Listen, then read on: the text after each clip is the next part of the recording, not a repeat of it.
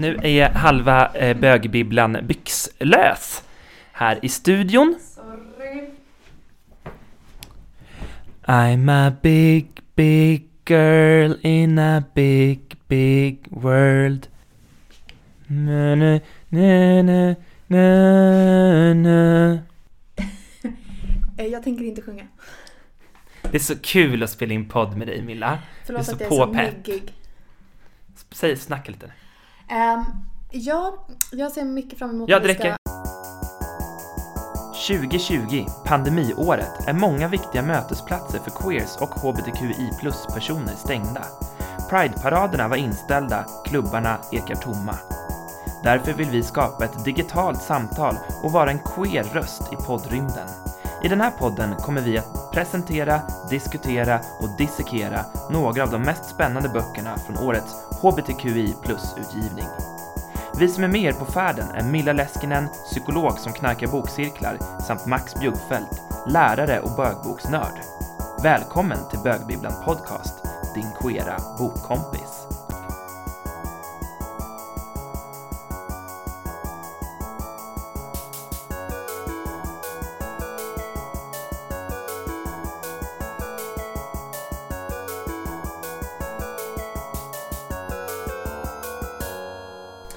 Varmt välkomna till det elfte avsnittet av Bögbibblan Podcast. Och man kan ju tro att vi hade somnat in och gått i vinteride för länge sedan, men tji fick ni! Vi är still going strong och nu ska vi faktiskt spela in vårt säsongsavslutningsavsnitt. Hurra! Ja, det är så festligt svårt va? att, att ta efter när du liksom kommer med den här osannolika entusiasmen. Men det är för att jag vill vara så här någon typ så här Kodjo Akolor eller någon sån här äh, hetsig morgonradiopratare. Men varför låter du som en hetsig morgonradiopratare från 1941, Max? Ja men det är för att jag liksom vill gå runt i tweed och ha en så här snygg eh, mustasch och små knästrumpor. Mm. Men det är jättebra att du har så stark röst eftersom en av våra mikrofoner är, inte funkar alls lika bra som den andra. Eh, det, och det tror vi att det är för att det föll ut så här små, små, små, små kristaller ur den för ett par månader sedan som vi tänkte så här, åh vilka fina! Och så slängde vi bort dem. exakt, det var så konstigt. Vi välter en mikrofon, det kommer ut små plastkristaller och vi bara Ja, det ska, det ska nog vara så. Det är ändå hur roligt som helst. Efter liksom typ åtta månaders podd Ja. så, så kan jag exakt ingenting om tekniken. Citat, vilken knapp tryckte du på nu? Eh, exakt. Den här. Det kommer i alla fall ljud. Mm. Ja, men hur mår du Max? Åh, men som du hör skrattar jag med stort A och känner mig väldigt, väldigt lycklig och, och eh, euforisk. Jag är så glad över det nya året och eh, jag har åkt skidor till jobbet och det, det känns liksom som... Är du full? Vem är lycklig och euforisk? Det, det kanske man, var de där kristallerna som har... jag skulle säga det. Det är man så här fyra gånger per år och aldrig i januari. Okej, då har jag bränt de närmaste 20 åren, så lyckodagar på de 21 januari. Hur Ja. mår du, Milla? Eh, ja, men jag är inte riktigt lika instabil i mitt mående som du som liksom Upp som en sol, ner som en pannkaka. som har hunnit igenom alla stämningslägen flera gånger sedan vi började podda. Eh, jag skulle säga att jag mår ja, men ganska bra. Eh, är det ett tråkigt svar? Jag, jag, jag kommenterar inte det. Men det är härligt att du är här och att det är gulligt Ja, men- att du försöker, Milla. Ja, men tack.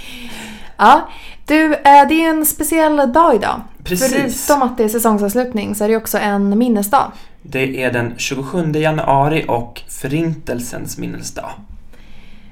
Vad har vi på queera litterära verk och förintelsen? Eh, ja, Förintelsen eh, och andra världskriget har ju liksom, jag tänker att det är som en egen, egen trop eller tema som finns i eh, queer-litteraturen. Eh, för det var ju oerhört många eh, homosexuella män framförallt, i det som är dokumenterat, som eh, mördades i koncentrationslägren under naziregimen. Eh, och ett sånt verk, eller en sån skildring från eh, de här fruktansvärda brotten är Männen med rosa triangel eh, av Heinz Heger är pseudonymen om jag minns rätt. Eh, och den kom ut på 70-talet och liksom eh, chockade många människor. Eh, och där beskriver han eh, sitt liv före det att han blev deporterad och sitt liv i koncentrationslägret och eh, delvis efter kriget. För eh, till skillnad mot många andra fångar så eh, blev ju inte många av de här homosexuella männen frisläppta efter, efter kriget. Nej, vad hände med dem? Eh, de fortsatte att betraktas som kriminella i eh, Västtyskland eh, och i det, i, i, såklart också i Sovjetunionen och de andra länder som löd under Sovjetunionen. Så att många av dem liksom fick inte ta del av de hjälpprogram eller liksom det stöd som fanns till eh, krigsfångar och koncentrationslägersfångar. Eh, och det visste inte jag men jag hade läst den boken faktiskt. Nej. Vad hette boken sa du? Eh, Männen med rosa triangel. Mm. Och rosa, en upp och nervänd rosa triangel var ju den symbol som homosexuella män hade i koncentrationslägren. Mm. Och det är därifrån den rosa triangeln kommer som en, en kampsymbol inom homorörelsen under 1900-talet. Just det. Mm. mm. Fast då vände man ofta på den så den pekade uppåt istället. Mm. Eh, det finns ju också, det är en annan typ av sorg som du går omkring och bär på den här veckan. Förutom när du tänker på förintelsen. Just det, precis. Eh, här igår så gick ju Lars Norén bort. Eh, dramatiker. Han var ju gammal, gammal som gatan. Eh, och har ju skrivit oerhört mycket eh, sen eh, tidigt 80-tal och framåt framförallt. Och framförallt pjäser. Nu på sistone är han mer känd för sina dagböcker.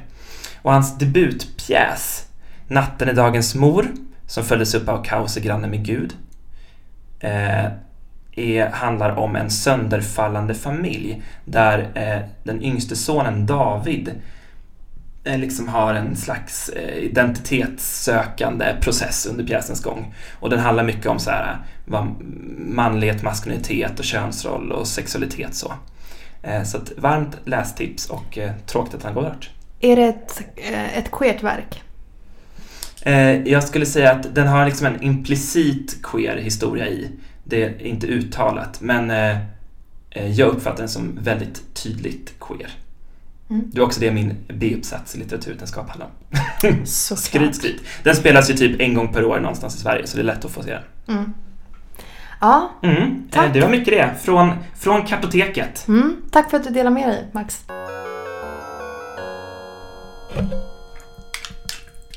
Mm. Jag äter lite risifrutti här.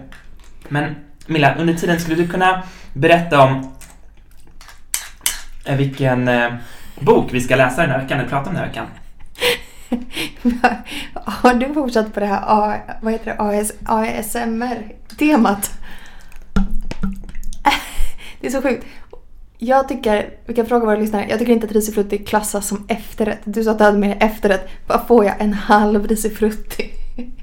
ah, ja. Med hallonsmak. Okej, okay, det är i och för sig den bästa smak. Milla, skulle du vilja berätta vilken bok vi ska prata om den här veckan? Vi ska prata om Sötvatten, eller Freshwater, av Akwaeke Emesi.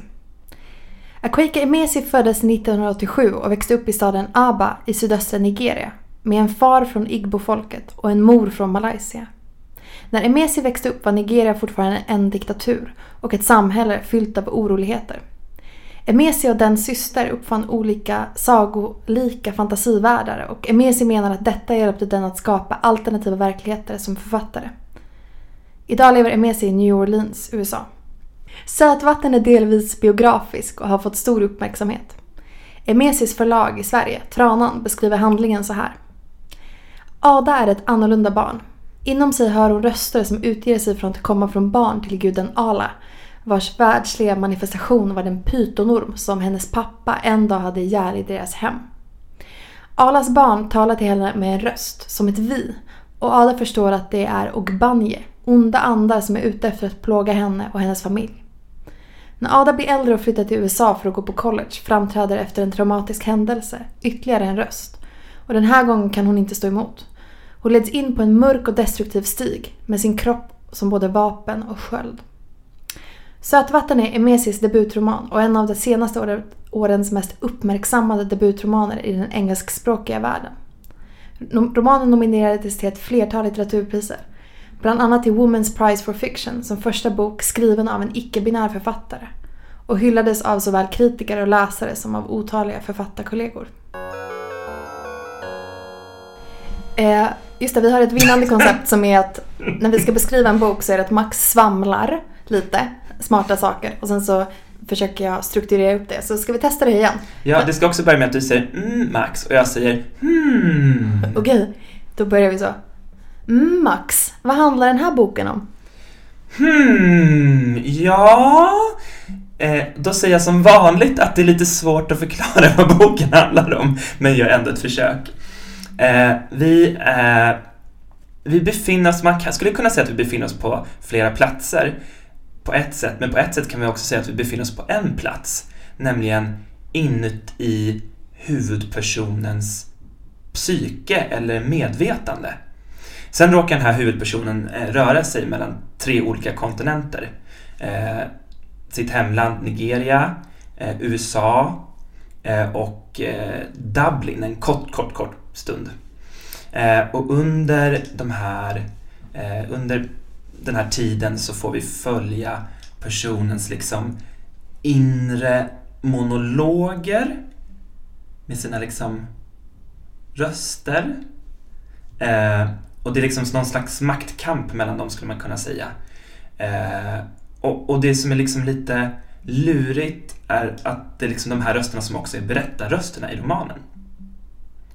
Ja, fick mm. jag till det lite grann nu? Ja, jag tycker inte alls att det var så svamligt som det eh, skulle kunna vara. För det är, som du är inne på, det är, en, eh, Eh, det är svårt att eh, på ett liksom eh, enkelt och snabbt sätt säga så hur den här boken är berättad och vad den handlar om.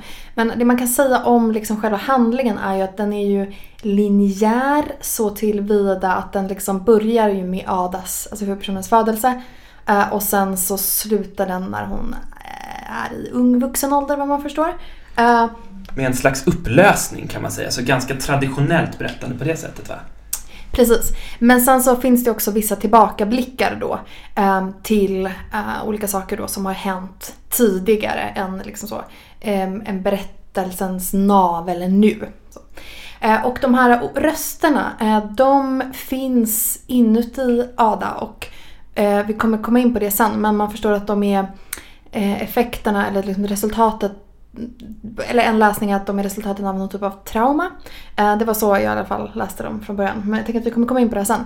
Men de liksom har som egna röster, egna viljor. Eh, Ada kan också se dem liksom i sitt eget psyke. Och psyket är i, i, det här, i den här boken ett marrum gjort av marmor inuti Ada. Där liksom hon kan då ja, men föra dialog och typ supa med de här rösterna till exempel. Mm, precis. Eh, och i vanliga fall då kanske vi skulle beskriva så här, de platser som, som vi rör oss på, eller berättelsen rör sig på. Men i det här fallet kanske vi får beskriva Ada lite mer och vad hon är för person. Mm. Vill du göra ett försök, Milla? Ja, utmaning.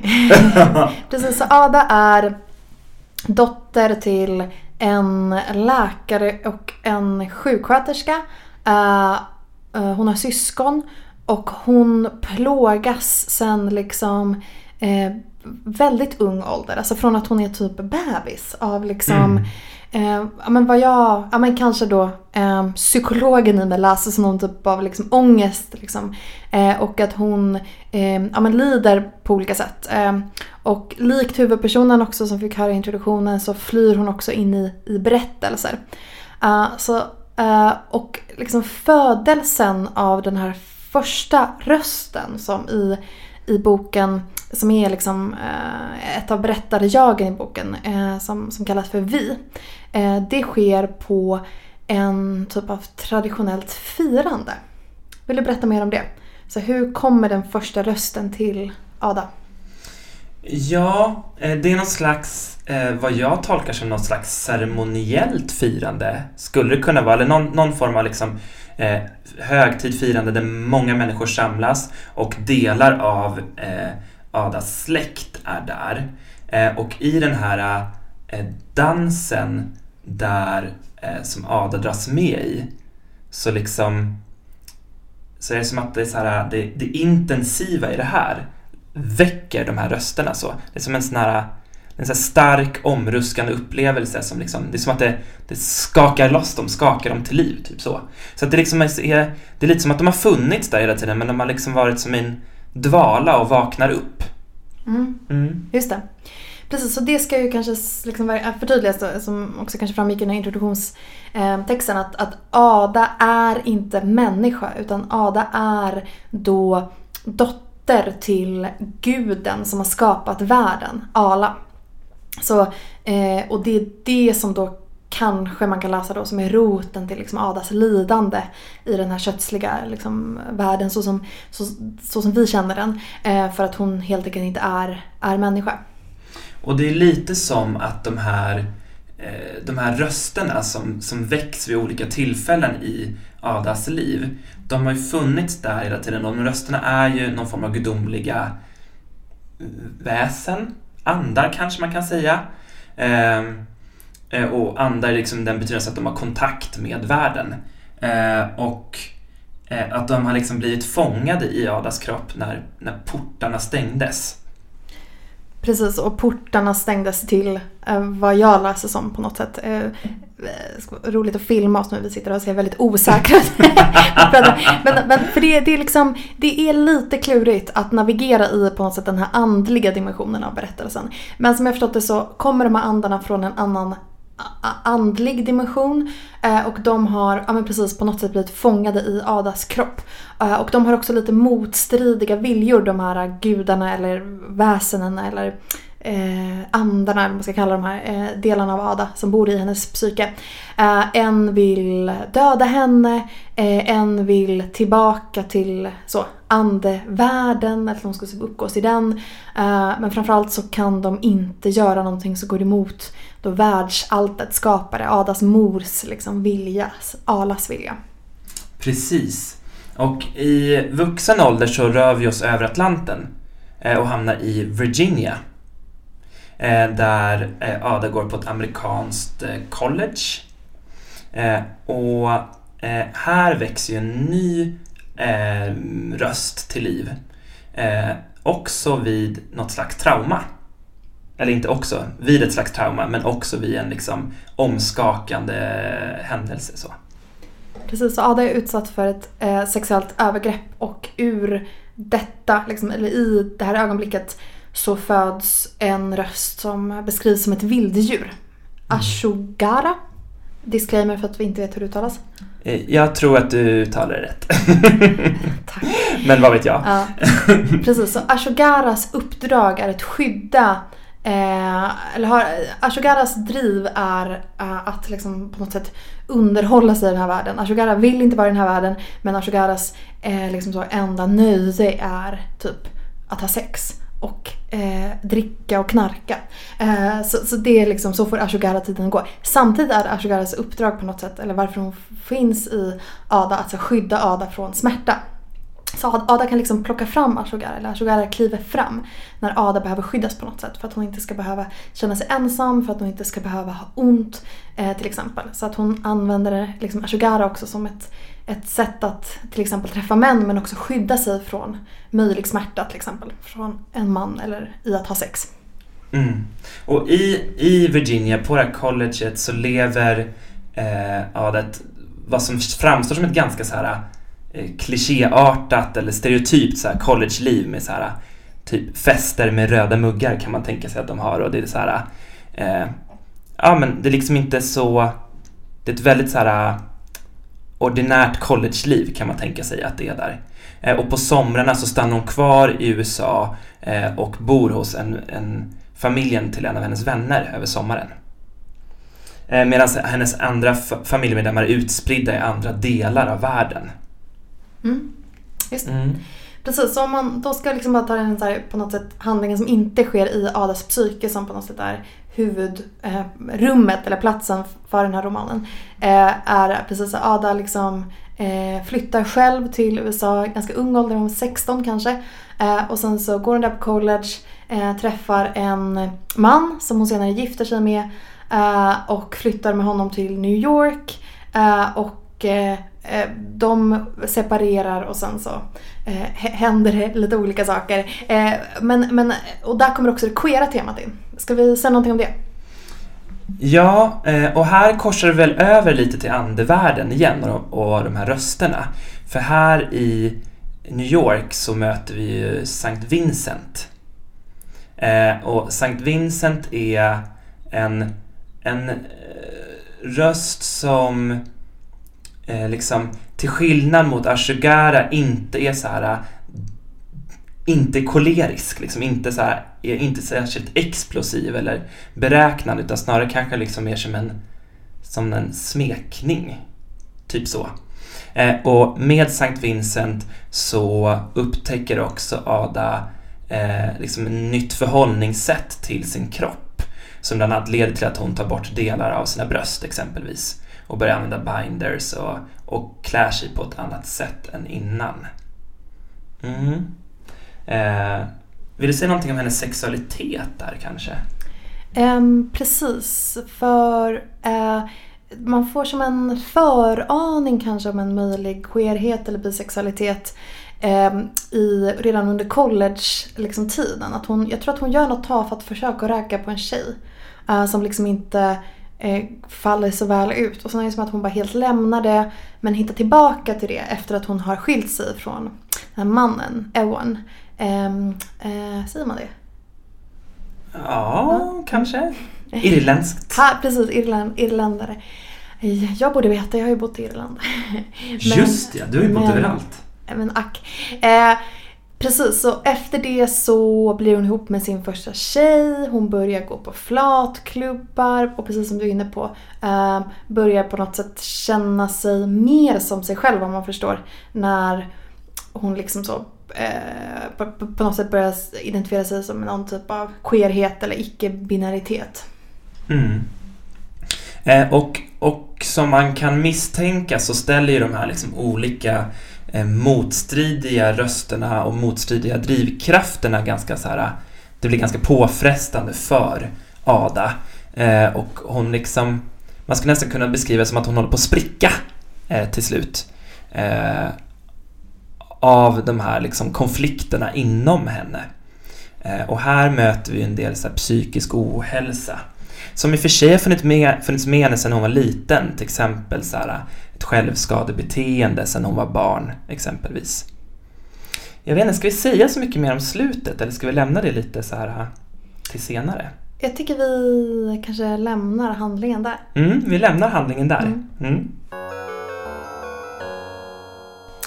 Eh, ja, men det som är intressant med den här boken, det är väldigt mycket som är intressant med den här boken, men en sak är ju att den eh, verkar beskrivas, liksom de recensioner jag hastat igenom, som en delvis självbiografisk roman.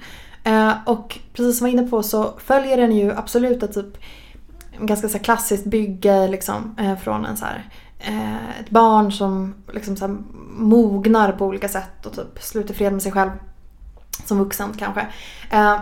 Men det är ju ett väldigt eh, ovanligt sätt att berätta det på. Eh, alltså en självbiografi men som är berättad utifrån någon typ av vansinne slash liksom andlig dimension.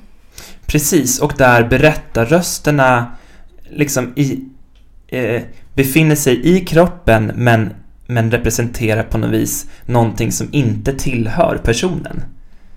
Precis, för de pratar ju alltid om Ada i tredje person. Exakt. Mm. Eh, och de har ju liksom själva någon slags personlighet eller karaktärsdrag, de här rösterna. Så att det är precis som du säger, väldigt en traditionell eh, genre men en märklig eller ovanlig konstruktion. Mm. Mm.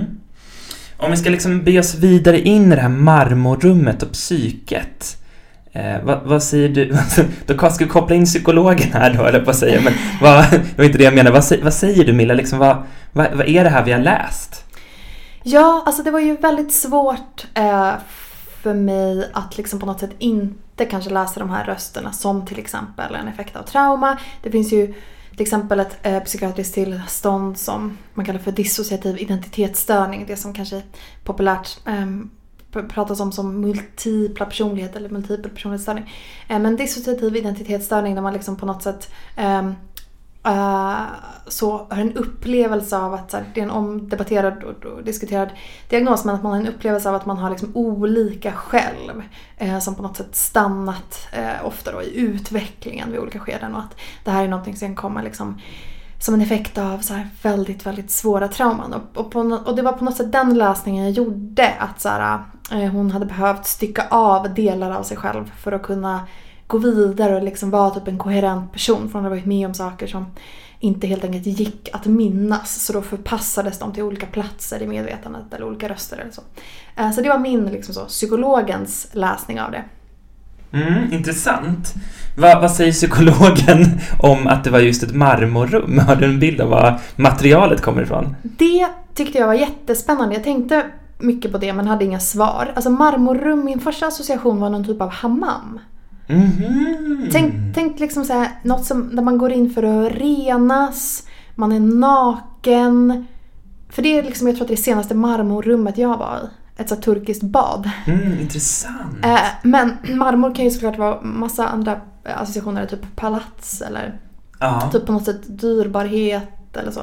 Det är på något sätt ett ädelt material. Men det är också något evigt. Jag vet inte, jag fick väldigt många associationer men ingen, ingen så tydlig bild. Vad, vad tänker du? Vad står marmorrummet för i litteraturen?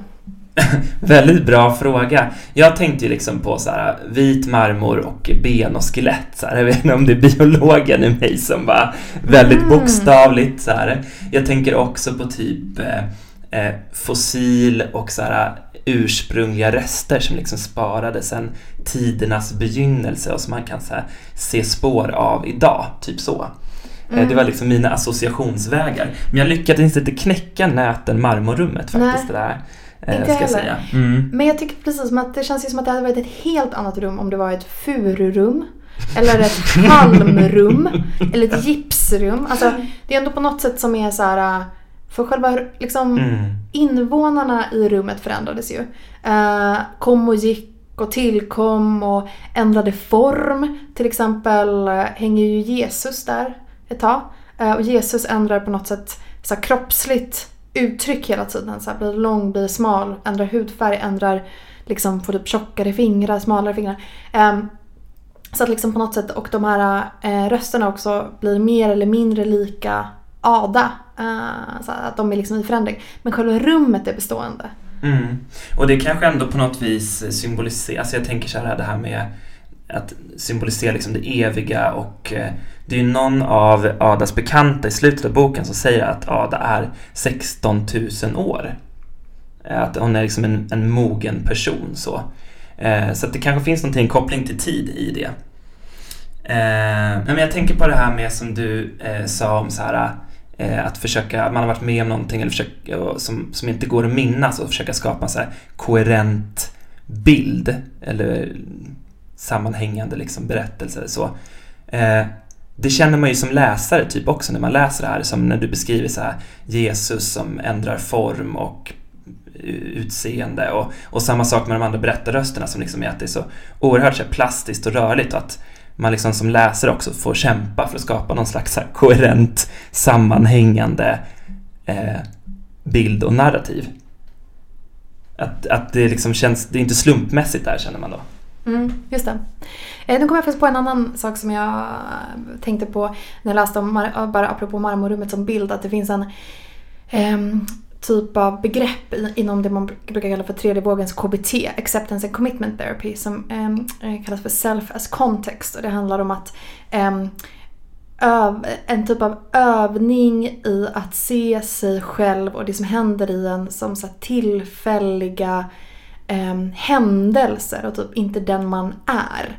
Och att liksom en bild som man använder i Selfas kontext är så här. eh, Föreställ dig en skål med eh, spenatsoppa. Och sen så föreställer du den här skålen fylld med rödbetssoppa och sen så med morotssoppa och så vidare. Eh, och att liksom även om soppan liksom så förändrar, eller så förändras liksom typ av soppa, så här, den kanske blir tjockare, klumpigare, rinnigare, vattnigare och så vidare. Så finns det något som är bestående i det här, att det finns en skål och den är intakt. Och att man menar att man då också så här, psykologiskt kan försätta sig i ett tillstånd där man är i kontakt med den här, alltså att man eh, liksom self as context och inte self as content. Med content menar man då soppan eller så. tankarna, känslorna de inre upplevelserna.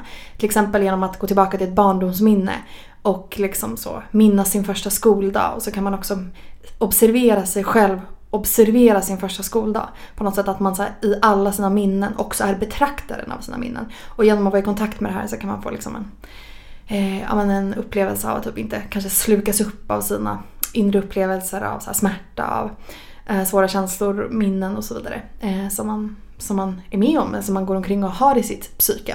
Så på det sättet tycker jag att marmorrummet var liksom en sån eh, fin bild för, för just det här. Mm.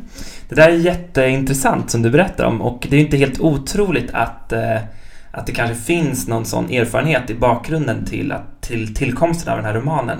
För det är ju så att huvudpersonen också möter några terapeuter under romanens gång. Vad, vad tänker du om de mötena Milla och hur de slutar vid några tillfällen?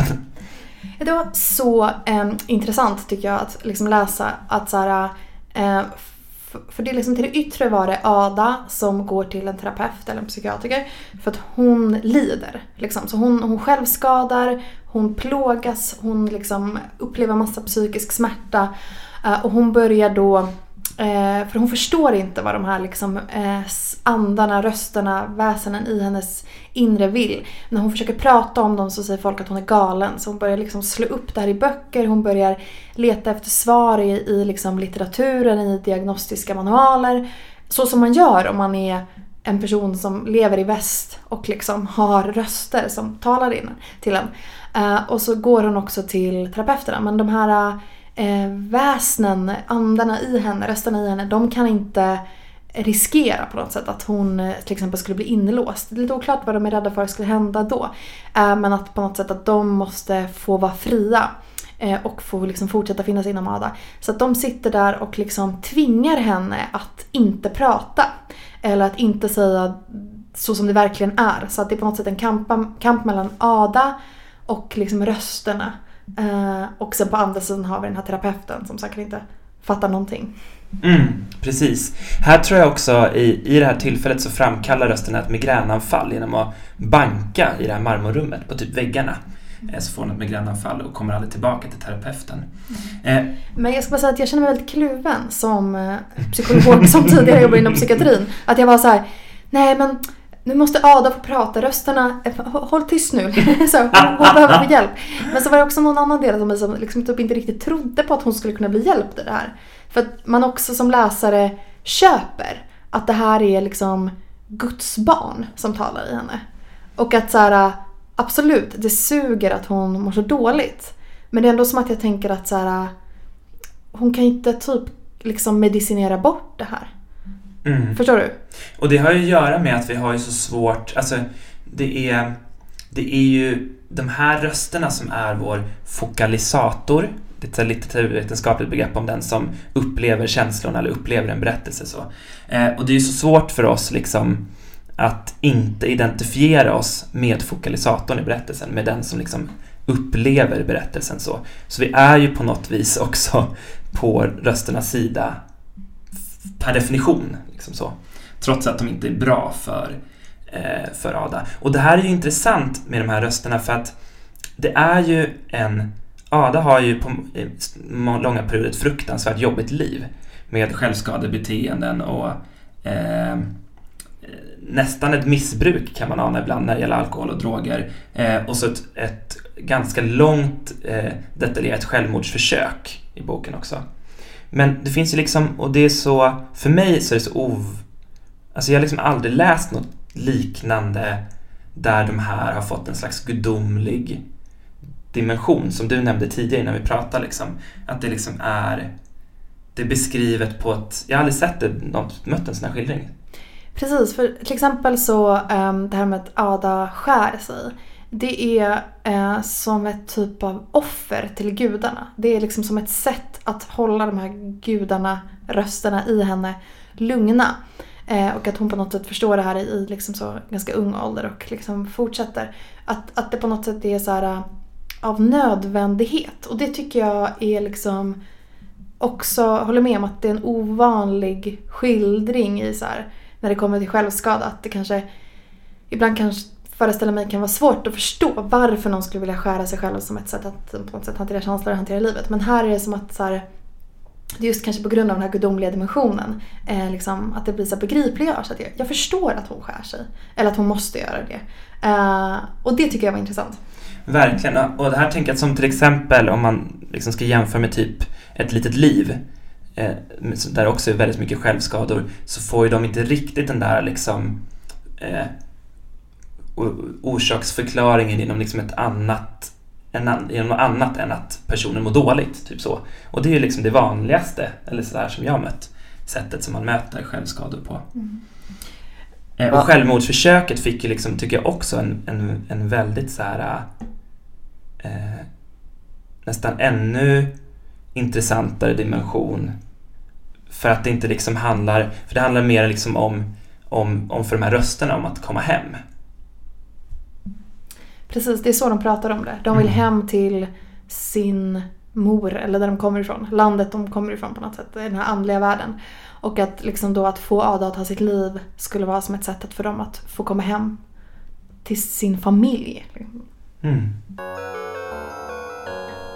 Va? Nu först? Ja. ja. Men jag tänkte du läser först och sen så... Nej, jag tycker det är bättre att du förklarar först. Varför ska du bestämma inte?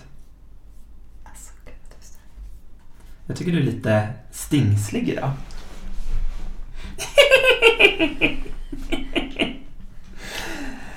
uh, jag vet aldrig om du är på riktigt eller inte, Milla. Du känns som en av de här inre rösterna.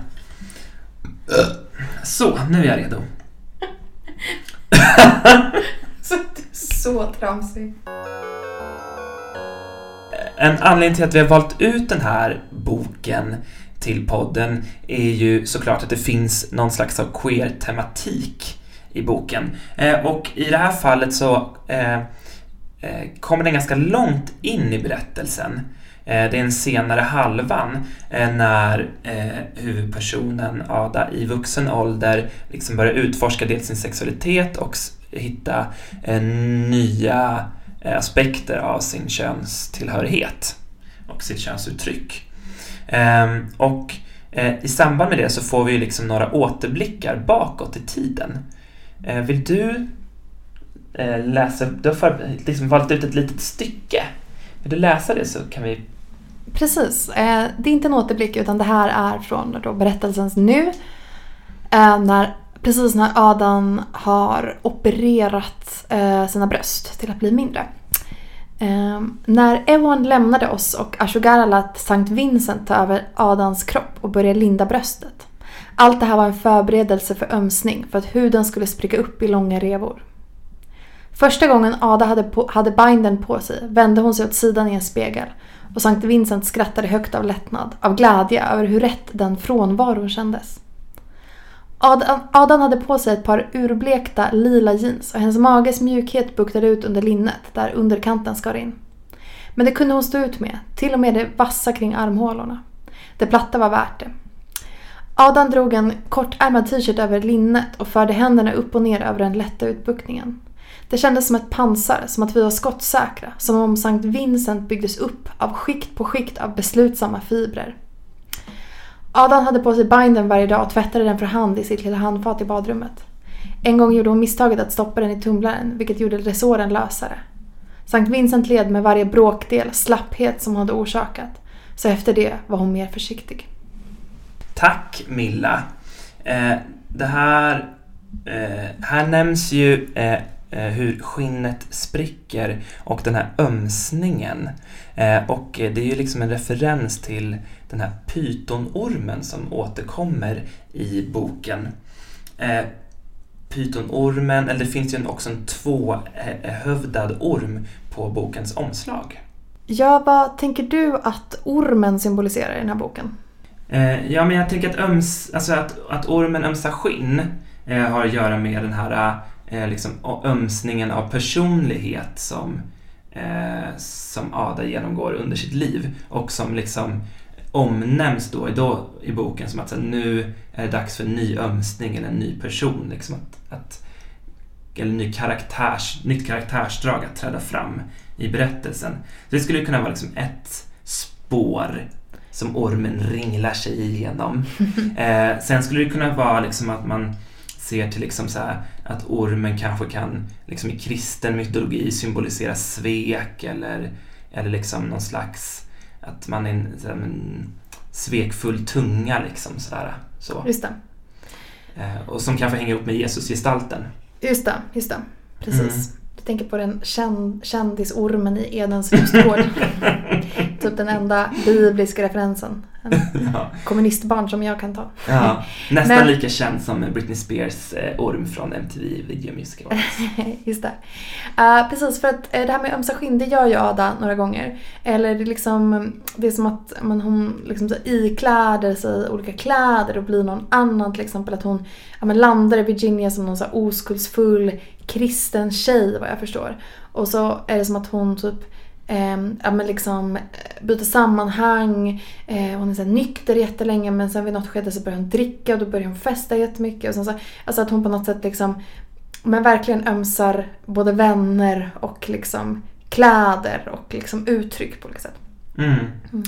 Jag tänker att ett, alltså ormen i boken, eller liksom Ala, då Adas gudomliga moder, liksom världsallens moder, hon är ju en pytonorm. Och det förstår man då också i eh, ja, men den, liksom så, det folk som Ada eh, Adas så här, förfäder kommer ifrån. Eh, de pratar ju om pytonormen som helig. Eh, om jag förstår rätt. Och då är ju då Ada då helig också i sin tur. Hon är liksom född ur en orm. Men jag är väldigt dålig på så orm och sym eller symbolik överlag. Men eh, det känns som att Freud kanske skulle tycka att ormen hade med sex att göra. Men det kanske är en enkel spaning för att han tycker att allt har med sex att göra. Men och också sen har vi liksom apoteksormen. Liksom ormen som läkekonst. Jag tänkte om det är en, liksom en så mm. annan symbol. Man då ska lämna det bibliska. Jag tänkte att du hade varit på något ormar i litteraturhistoriens seminarium någon gång? Nej, tyvärr inte. Um, någonting annat som nämns i det här stycket som jag valde är ju då Sankt Vincent. Vad har du på Sankt Vincent? Sankt Vincent, där har vi eh, ett helgon uppenbarligen. Vi googlade att det var någon slags vinhelgon. Eh, men eh, vi har ju också artisten Sankt Vincent som ju själv använder sig av begrepp som gender fluid eller icke-binär eller liknande begrepp om sig själv, eller har gjort det i alla fall tidigare. Tror att Emes vill ragga på artisten Sankt Vincent. Alltså de skulle vara ett supersnyggt par. Ja. Mm. Men jag vet inte. ja, men åter till queer-tematiken. Ja, precis. Eh, för att eh, dels så har vi liksom den här upplevelsen av att eh, eh, under, vi får ju liksom en återblick till barndomen av att eh, eh, Ada liksom upplever att hon är, gillar när hon blir sedd som pojke som barn, hon har kort hår, att hon tycker om eh, att bli sedd som pojke. Eh, och sen så eh, har vi ju eh, hennes upplevelser när hon blir äldre eh, av att liksom utforska eh, sin, sitt könsuttryck. Och det som kanske också är lite intressant där, det är att det liksom inte handlar om någon slags här, transition. Eh, att det inte är sån, en sån tematik, utan snarare så är det så här, som parallellt som att eh, hon väljer att, att förminska sina bröst så längtar hon också efter att ta på sig klänningar igen för att hon inte haft det längre. Så att det är snarare liksom en rörelse mellan liksom olika poler kanske så. Mm. Eh, och så har vi ju såklart liksom att hon har någon slags bisexualitet kan man tänka sig. Pansexualitet kanske. Mm, just det. Eh, precis, och att jag tycker att det var intressant för att så här, eh, men som också var inne på, det här är någonting som framkommer i den senare delen av boken. Så det är inte liksom en berättelsetråd som finns med, eller som jag inte uppfattar som särskilt närvarande. Um, i boken. Och det, men sen så tycker jag ändå att det kanske blev en sån liksom lite så klassisk så här, ah nu kommer jag på det här om mig själv. Nu ska jag se tillbaka och liksom hitta på något sätt de här, så här pilarna som pekat åt det här hållet. Mm. Är du med på vad jag menar? Mm. Alltså då när liksom så här, Ada börjar upptäcka det här, då är det som att man då som läsare får ta del av så här, just det. Jag tyckte ju om att ha killkläder och tyckte det var jobbigt att få bröst. Just ja. Mm. Um, men samtidigt, så det tyckte jag kanske var liksom kanske inte så spännande för att jag tycker att det ofta så det liksom berättas om så queer, queer uppvaknanden på något sätt. Att man så ska så här, eh, på något sätt behöver liksom hitta ett narrativ eh, som sträcker sig bakåt. Som på något sätt gör att allt hänger samman i ens nu. Men det jag tyckte var intressant med det var just att, att Ada liksom på något sätt eh, rör sig i det här mellanrummet. Liksom, eh, mellan så här, eh, att varken, eh, vad jag liksom läser in då som varken identifierar sig helt som kvinna eller, eller vilja vara man till exempel.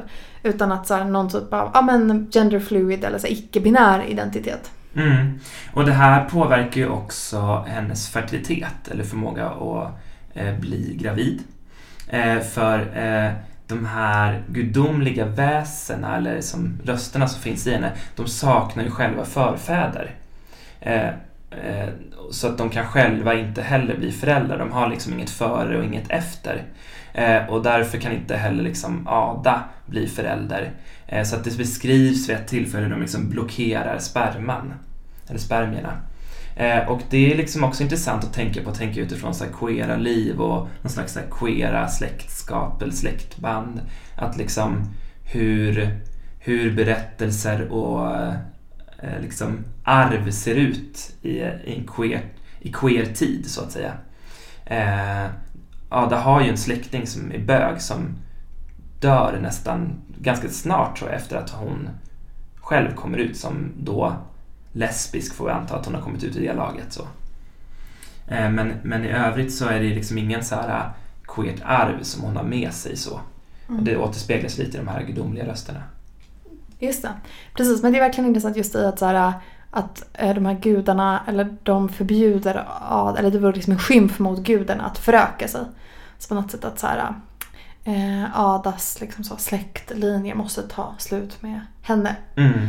Um, Eh, någonting annat som jag tyckte var intressant som du bara nämnde i förbigående inför det här eh, snacket idag var det här med att liksom Adas liksom så queera eller så trans eh, eller icke-binära uppvaknande. Att det verkade ske liksom helt inifrån. Just ja. Mm. Berätta mer om det. Ja men liksom att så här, vi eh, att vi har liksom inget så här, en, ingen tydlig queer typ kontext där eh, liksom Ada Eh, det, det, det, nämns ju liksom i förbifarten när hon är lite äldre att så här, hon, hon rör sig på Manhattan, har en flickvän och går på klubbar och festar. Så.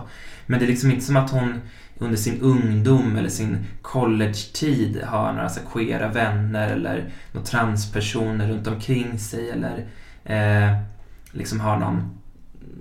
Den, det är inget sånt narrativ som, som Ada kan liksom, eh, identifiera sig med som förekommer i boken. Utan det är liksom som att det hon är som ett... På det sättet är hon som i sitt eget vakuum. Liksom så. Mm. Mm. Just det. Och att hennes också så här queerhet också är så förtryckt i hennes psyke.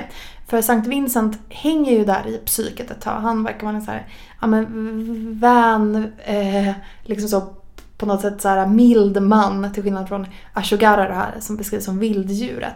Och det är ju som sagt vid något tillfälle när eh, Sankt Vincent eh, jag tror att han försöker få, eller sme, alltså, han får Ada att smeka liksom en Eh, kvinnas så här, ansikte eller käke, om du kommer ihåg det här. Men det är ett jätte, jättekort stycke.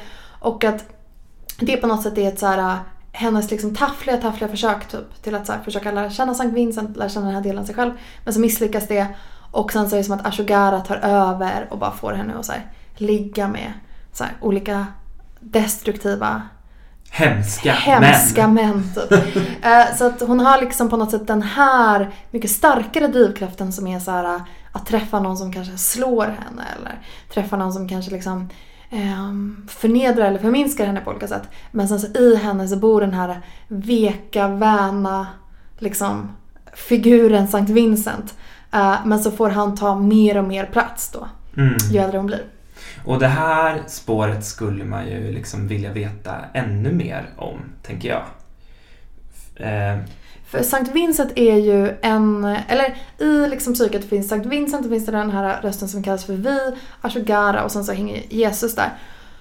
Uh, eller han är på besök ibland. Så då, men det är ju egentligen bara ur Ashogaras och Vis perspektiv som vi får liksom lära känna Ada. Så att Sankt Vincent har inte en egen berättarröst och det tyckte jag också var svintråkigt. För det är egentligen kanske det jag är mest nyfiken på. Så här, hur väcktes han till liv? Vad var hans så här, födelse?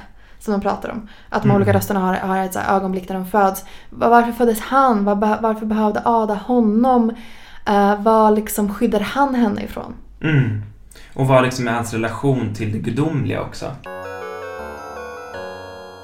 Gott eller? Ja, det var gott. Lite, lite kallt. Ja, Jag gillar när rött vin lite så här varmt. Okej. Mm. Inte glühwein, det är jag inte så förtjust i. Jag, Annars, jag, ska jag tycker om, lite närmare Max. jag tycker om alkohol i allmänhet men inte glühwein så mycket just. Ska, är mikrofon på? Eh, Ja, är på. Toppen. Då vet vi allt om glühwein. Milla, ehm, vi har ju varit inne på att det liksom är en komplex roman, ett komplext romanbygge, eh, de olika delarna. Eh, och, men liksom hur läser vi boken? Är det här en bok om psykisk ohälsa? Är det så enkelt? Eller är det en bok om könsdysfori? Va, va, vad säger du? Ehm, um, ge något så här as typ så här tråkigt psykologsvar som så här, både och. Jag tänker att det är en bok om psykisk ohälsa. Att så här, eh, jag tror, eller kanske att så här, eh, anslaget tycker jag var det. Jag kommer inte ihåg exakt vad som står men i så här på insidan av omslaget, du vet så här pappers, Mm, liksom, omslaget mm. som är på. Då så stod det någonting om att så här, eh, det här är en typ, det här är en bok om vansinne.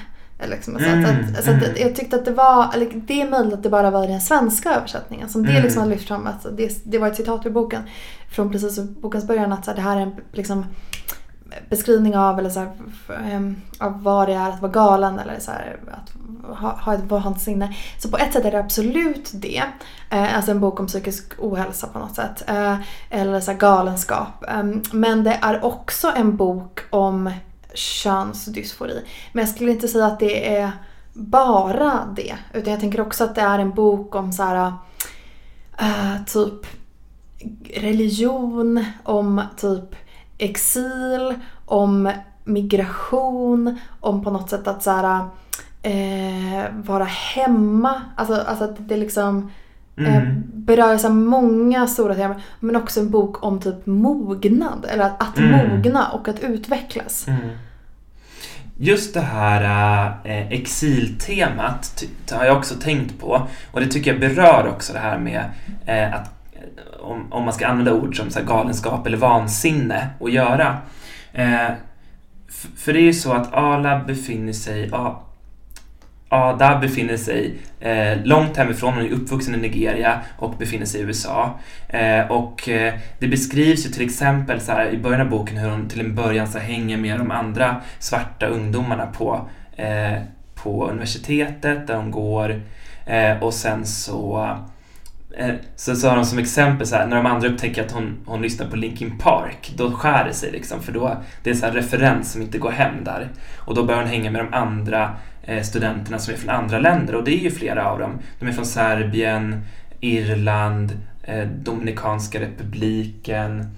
Eh, så att det är ju, hon hänger med ett gäng som alla är i någon slags exil eller långt hemifrån.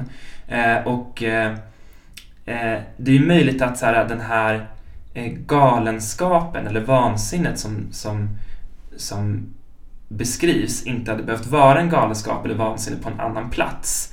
Där den här eh, mytologin eller de här begreppen, de här orden eller liksom sättet att beskriva sitt inre på eh, inte behövde hemlighållas utan kunde finnas öppet och beskrivas och, och liksom inte misstänkliggöras kanske. Eh, så det tänker jag liksom hänger samman med det här med exil, att, att det här kanske är en galenskap eh, i USA, men det hade inte behövt vara det någon annanstans. Just det. Och det har ju liksom att göra med så här, vem som beskriver världen, typ, igen så. Eh, och där säger faktiskt en av hennes bästa vänner i slutet en sak som jag tänker stärka det lite och det är eh, Malena, heter hon va? Från Dominikanska republiken är hon.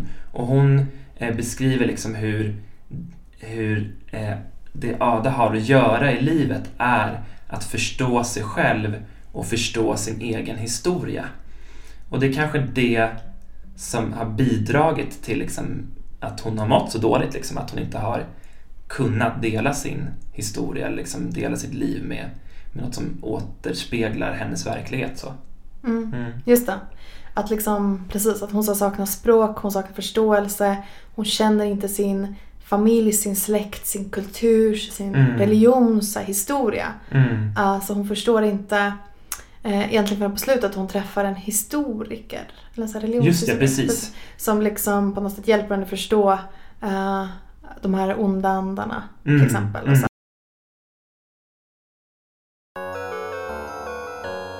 Ja, och där eh, blev det ett litet tekniskt missöde som klippte inspelningen när det visade sig att eh, min hårddisk var full på datorn. Så vi får ta om en liten bit. Precis, och det vi behövde göra för att kunna fortsätta inspelningen det är att ta bort eh, världens bästa spel, The Sims. som upptog typ halva din hårddisk. ja, det var tydligen så jävla stort det här spelet som jag spelat en gång. Eh, hur som helst, eh, det vi skulle börja prata om, eh, det var liksom det här religiösa tematiken och liksom eh, vad va, va är det vi rör oss här med att det religiösa finns med genom hela boken? Va, eh, här, här, har ju du haft många bra tankar vet jag ju nu redan. um, precis, så för det som eh, för Ada har liksom en kristen tro eh, till en början, eller kanske då egentligen genomgående fast liksom den intar en annan form. För när hon kommer till ehm, Virginia så är hon troende kristen, hon är eh, nykterist, hon vill inte ha sex före äktenskapet, hon tror på Jesus. Men sen i att hon utsätts för det här sexuella övergreppet, den här våldtäkten, eh, som också är liksom födelsen för Ashogara, den här rösten som beskrivs som vilddjuret.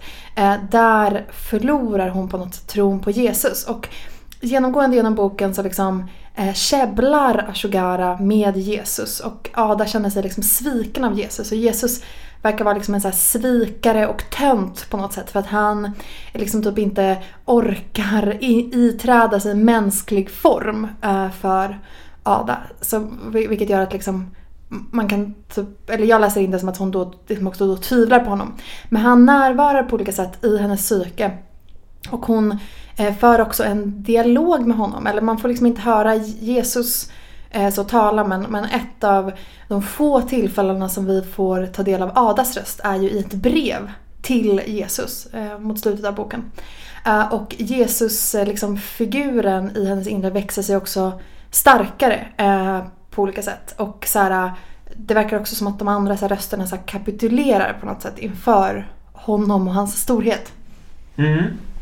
Eh, och eh, om vi liksom ska gifta den här, det du beskriver nu, den här liksom religiösa kampen eller eh, kampen mellan de olika rösterna inom ADA eh, med eh, liksom det här spåret av att det är någon slags utvecklingsroman, att så här, hela boken går ut på att så här, Ada ska finna sig själv på något vis eller liksom komma till ro eller sluta fred med sig eh, själv eller med de olika delarna av henne. Så beskrev du det så himla bra förut att det är som att hennes liksom utveckling hela tiden sker genom ett religiöst prisma. Och den bilden Milla fångar ju liksom väldigt bra så här, komplexiteten i den här romanen av rösterna, det religiösa temat, finna sig själv eller komma till ro med sig själv så. Mm. Mm. Men du har ju liksom, eller vi har ju liksom ställt oss frågan, så vad är det som gör... Det här är ju liksom också en, en roman om, om överlevnad. Eh, och och vi, vi ställde oss frågan så här, vad är det som är drivkraften? Vad är det som gör att hon överlever? Just det. Precis, för att det är på något sätt hela tiden en kamp mellan så här, eh, Ada och typ på något sätt den här smärtan hon, hon upplever eller så, så lever med. Uh, men också liksom de här olika delarna av hennes inre som till exempel Ashogara som vill typ då förenas med eh, gudarna eller liksom så andevärlden och att porten till att förenas med andevärlden är att Ada ska dö. Så det är också hon som driver Ada till att liksom försöka ta sitt liv. Eh, men samtidigt så får inte Ada dö, som jag förstår det, för att så här, det är inte rätt tid för henne typ att komma hem. Uh, så att det på något sätt är liksom, jag, jag tyckte det var liksom lite svårt att navigera i den här kampen mellan så här, vem eller vad är det som vill att Ada ska leva, vem eller vad är det som vill att Ada ska dö. Så här, varför, varför överlever hon liksom, trots den här smärtan? Mm. Kan du svara på det? jag tänkte, jag hörde frågan och så blev det lite blankt så här. eh, eh, och, och det är väl kanske här någonstans här, romanens stora, liksom, på något vis, eh, fråga är. Så här, vem, vem, vilken, är det, är det, är det Adas egen drivkraft som liksom är den som, som är överlevnaden? Liksom så? Eller ehm, eh, är, är det liksom jaget mot de, de liksom världsbilden eller religiösa idéerna som är konflikten? Liksom så? Mm. Just det. Och eh, precis, så vi kanske inte ska avslöja för mycket om slutet. Mm. Eh, för där på något sätt så får man kanske svar på frågan om vad som är lösningen på den här konflikten i alla fall. Mm. Eh, men det knyter ju verkligen an till det här eh, på något sätt den religiösa dimensionen som finns i boken. Ja, ehm, precis. Det här är en, en stor bok på något sätt. Den så här berör ju så otroligt många teman som vi redan varit inne på och ehm, Ja, men jag läste ut den idag på lunchen i badkaret. Du läste ut den medan jag lagade middag tidigare eh, idag. Så jag tänker att, att det kanske egentligen är en bok som man vill typ ha smält lite innan man börjar prata om så här, vad det är för en bok för en själv. Men, så här, men på ett annat sätt så tänker jag att det kanske också kan vara intressant att så här, lufta typ så här, den här råa, så här, på något sätt oprocessade upplevelsen. Så, så vad, vad tänker du? Vad, vad, hur var det att läsa den här boken för dig? Mm, alltså, jag tycker det var ganska svår att ta sig in i berättelsen. Eh, för, just för att den är så här, det komplexa sättet att berätta på med de här olika rösterna. Men det som jag på något vis fann eh, förutom liksom så att handlingen är spännande och intressant, så det som jag fann så här som stort nöje i, det var liksom så här Eh, att lära känna den här mytologiska världen som jag typ inte vet någonting om innan. Eh, och liksom att den krockade eller mötte så många populärkulturella referenser som jag liksom har med mig från typ när jag kanske var lite som i samma ålder som Ada när hon kom till USA. Så här, eh, 16 till 19, 20 år någonting. Eh, att det var så här eh, de, hon lyssnar på Hot Chip till mm. exempel. Alltså sådana där saker som liksom tog mig till eh, som, som tog mig till min värld på något vis. Eh, och det tycker jag var en oerhört lyckad kombination. Mm. Jag håller verkligen med för att um, jag, och jag tror att det var på nästan då det var så lättast och roligast att läsa boken när vi befann oss i så Adas värld i den här collegevärlden eller sen senare i New York. Eh, och, på, och, och, att de här um, liksom så ganska stora delarna av boken som utspelar sig i det här psyket och som var så här, dialoger mellan liksom de här olika delarna av Ada, de här olika rösterna. Eh, för nu när jag tänker på det, det fanns ju liksom inte så mycket dialog annars. För annars var det som att det var typ en tredje person som återberättade saker som Ada varit med om och också liksom just i, i så här, vad heter det, imperfekt. Eh, men i, liksom, i psyket så är det liksom så ganska långa eh, dialoger, liksom, diskussioner, tjafs på något sätt. Dels mellan Adam men, men också mellan de här olika rösterna.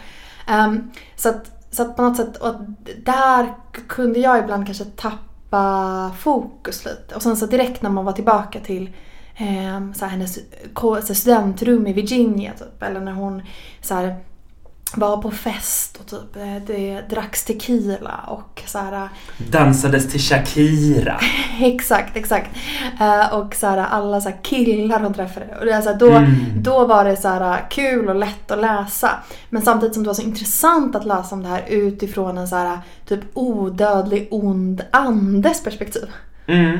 Och, och det jag tyckte var liksom intressant med det, det är att jag tänkt så här, eh, typ så hur, hur skulle min eh, så här, tid, mitt liv i studentkorridor kunna beskrivas i litterär form. Jag har tänkt på det några gånger, så här, hur skulle en sån bok vara? För det var ju ändå en ganska intressant tid i mitt liv, speciell tid så här, i livet. Så. Eh, och här på något vis Och som typ på något sätt skildras hela, hela, hela tiden i typ så här alla amerikanska filmer. Ja, gud ja. Eh, och eh, det är väl för att det är en så formativ period i många människors liv. Liksom.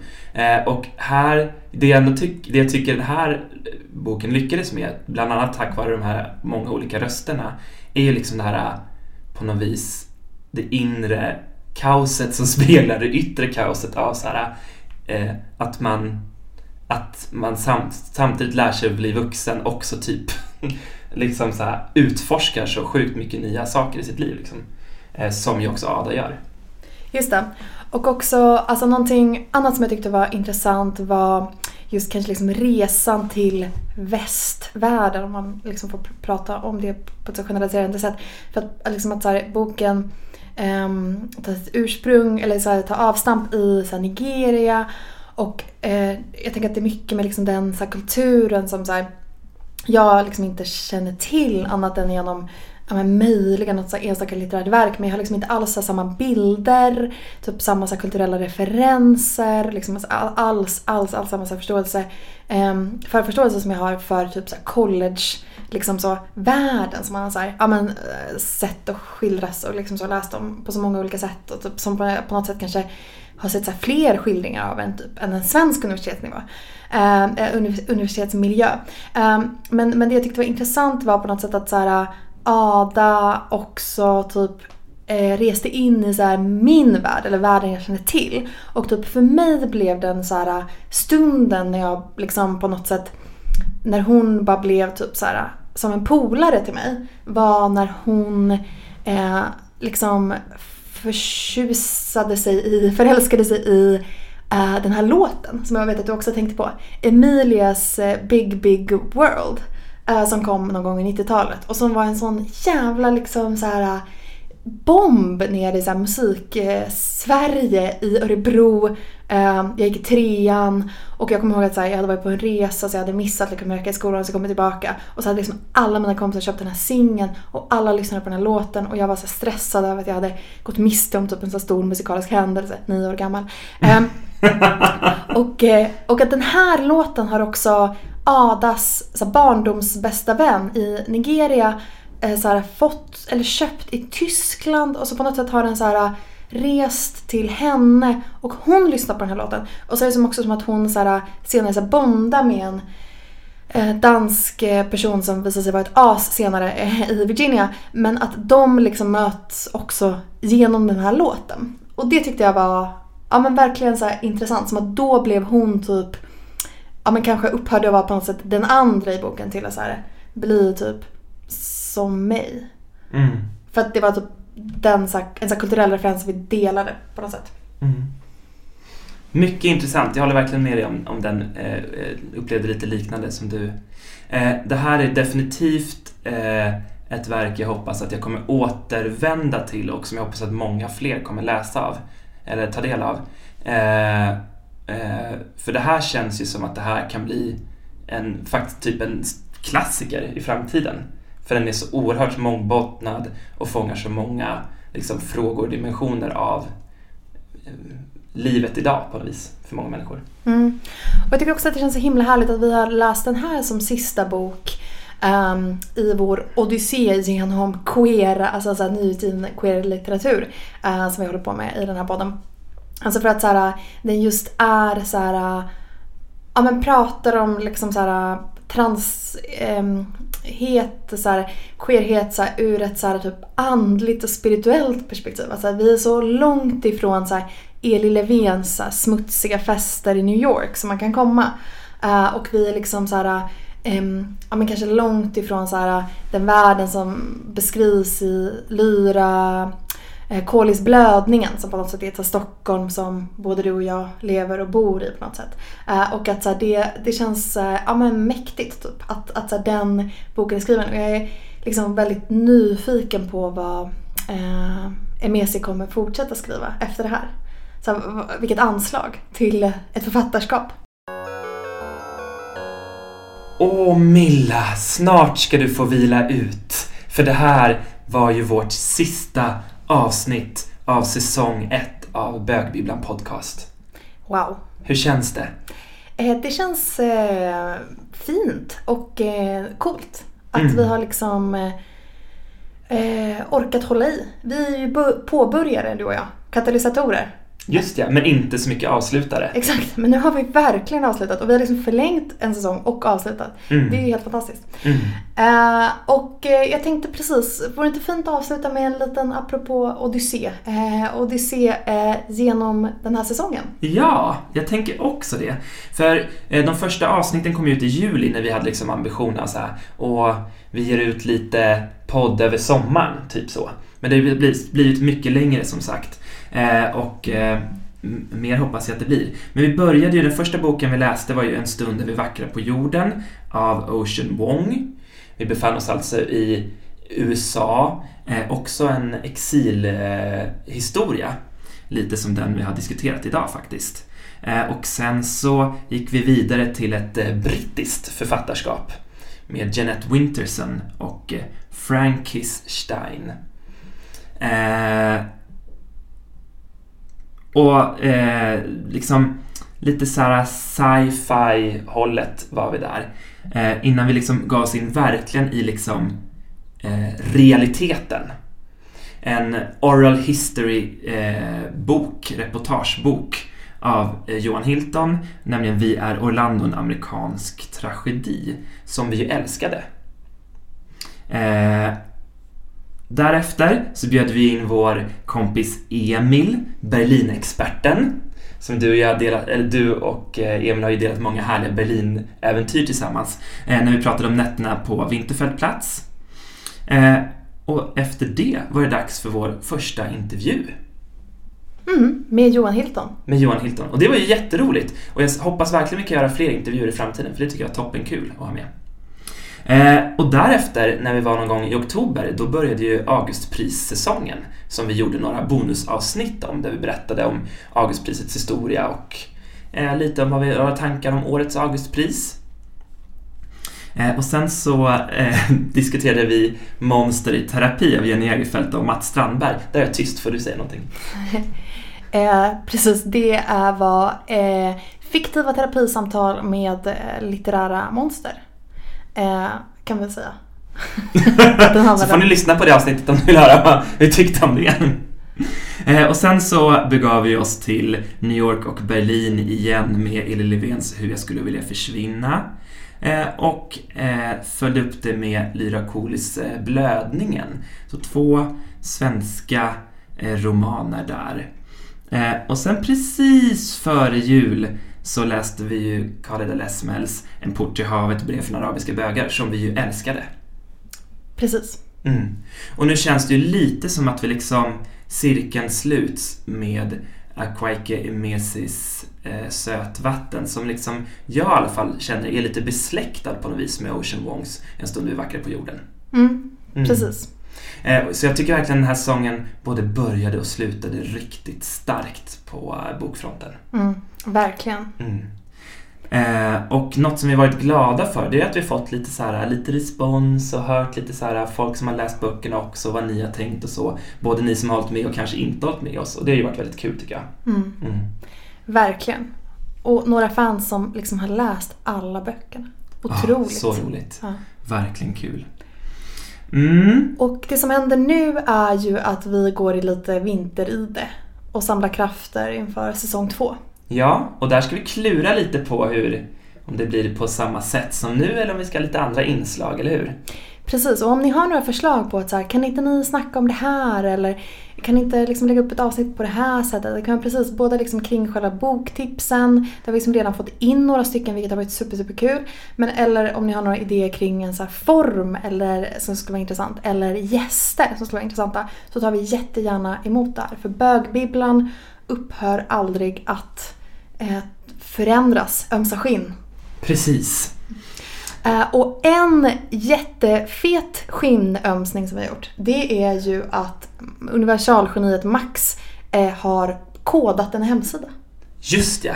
Eller formgett åtminstone. Vi har gjort en hemsida, bokbibblan.se, där man kan lyssna på alla avsnitt från podden. Eh, och inte bara det, man kan också eh, kolla in vårt queera boksläppskalendarium, man kan kolla in lite olika queera bokkompisar som vi har taggat där, läsa alla texter som publicerats och sist men inte minst så kan man också söka i vårt eminenta, jag vill inte liksom faktakolla det här men jag skulle säga typ världsunika bibliotek. Som är en samling av alla böcker som bögbibblan eh, har läst genom tiderna och som är taggade på ett jättefiffigt sätt. Så att du som söker där kan liksom söka på en tagg som du är intresserad av. Till exempel bisexualitet, eh, eh Europa, exil. Föräldraskap. Precis. Eh, mm. Och hitta böcker liksom på det temat. Mm. Så det är ett lite roligt experiment som vi kommer fylla på såklart också. Eh, så kika gärna där och berätta vad ni tycker om det. Fyra favorittaggar som jag har det är droger, död, erotik och essä. En sammanfattning av eh, ditt liv, din Tinderprofil. ja, önskar det. Mm. En annan rolig sak det är att vi har ett stort internationellt genombrott också. Vi har nämligen fått ett mail från Carlos. Läs det här sjuka mejlet från Carlos.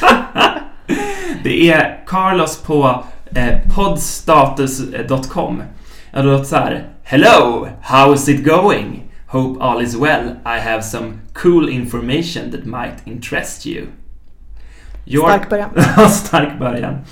Your podcast, Bögbibblan Podcast, has good performance in Apple Podcast Rankings. Och då är det så att vi tydligen är nummer fem bland alla bokpoddar i Finland.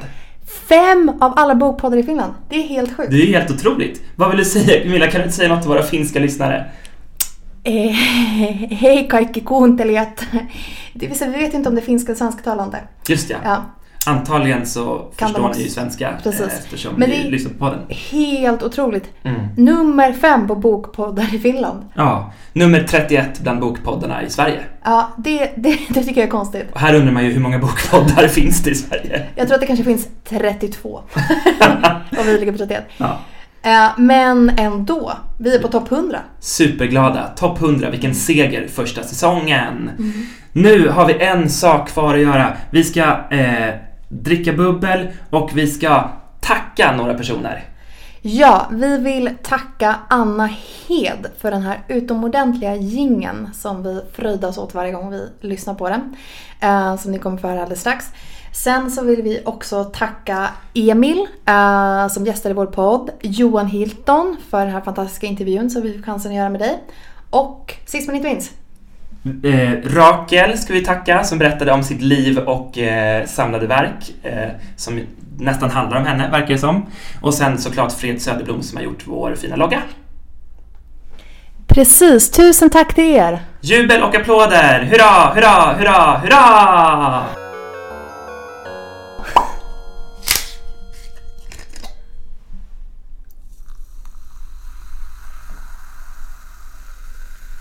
Mm.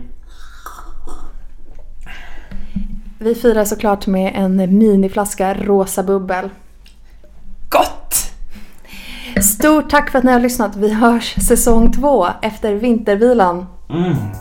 Gud, gott vin. Mm. Kan vi avsluta med en av dina berömda rapar, Max? Ja, det var dåligt.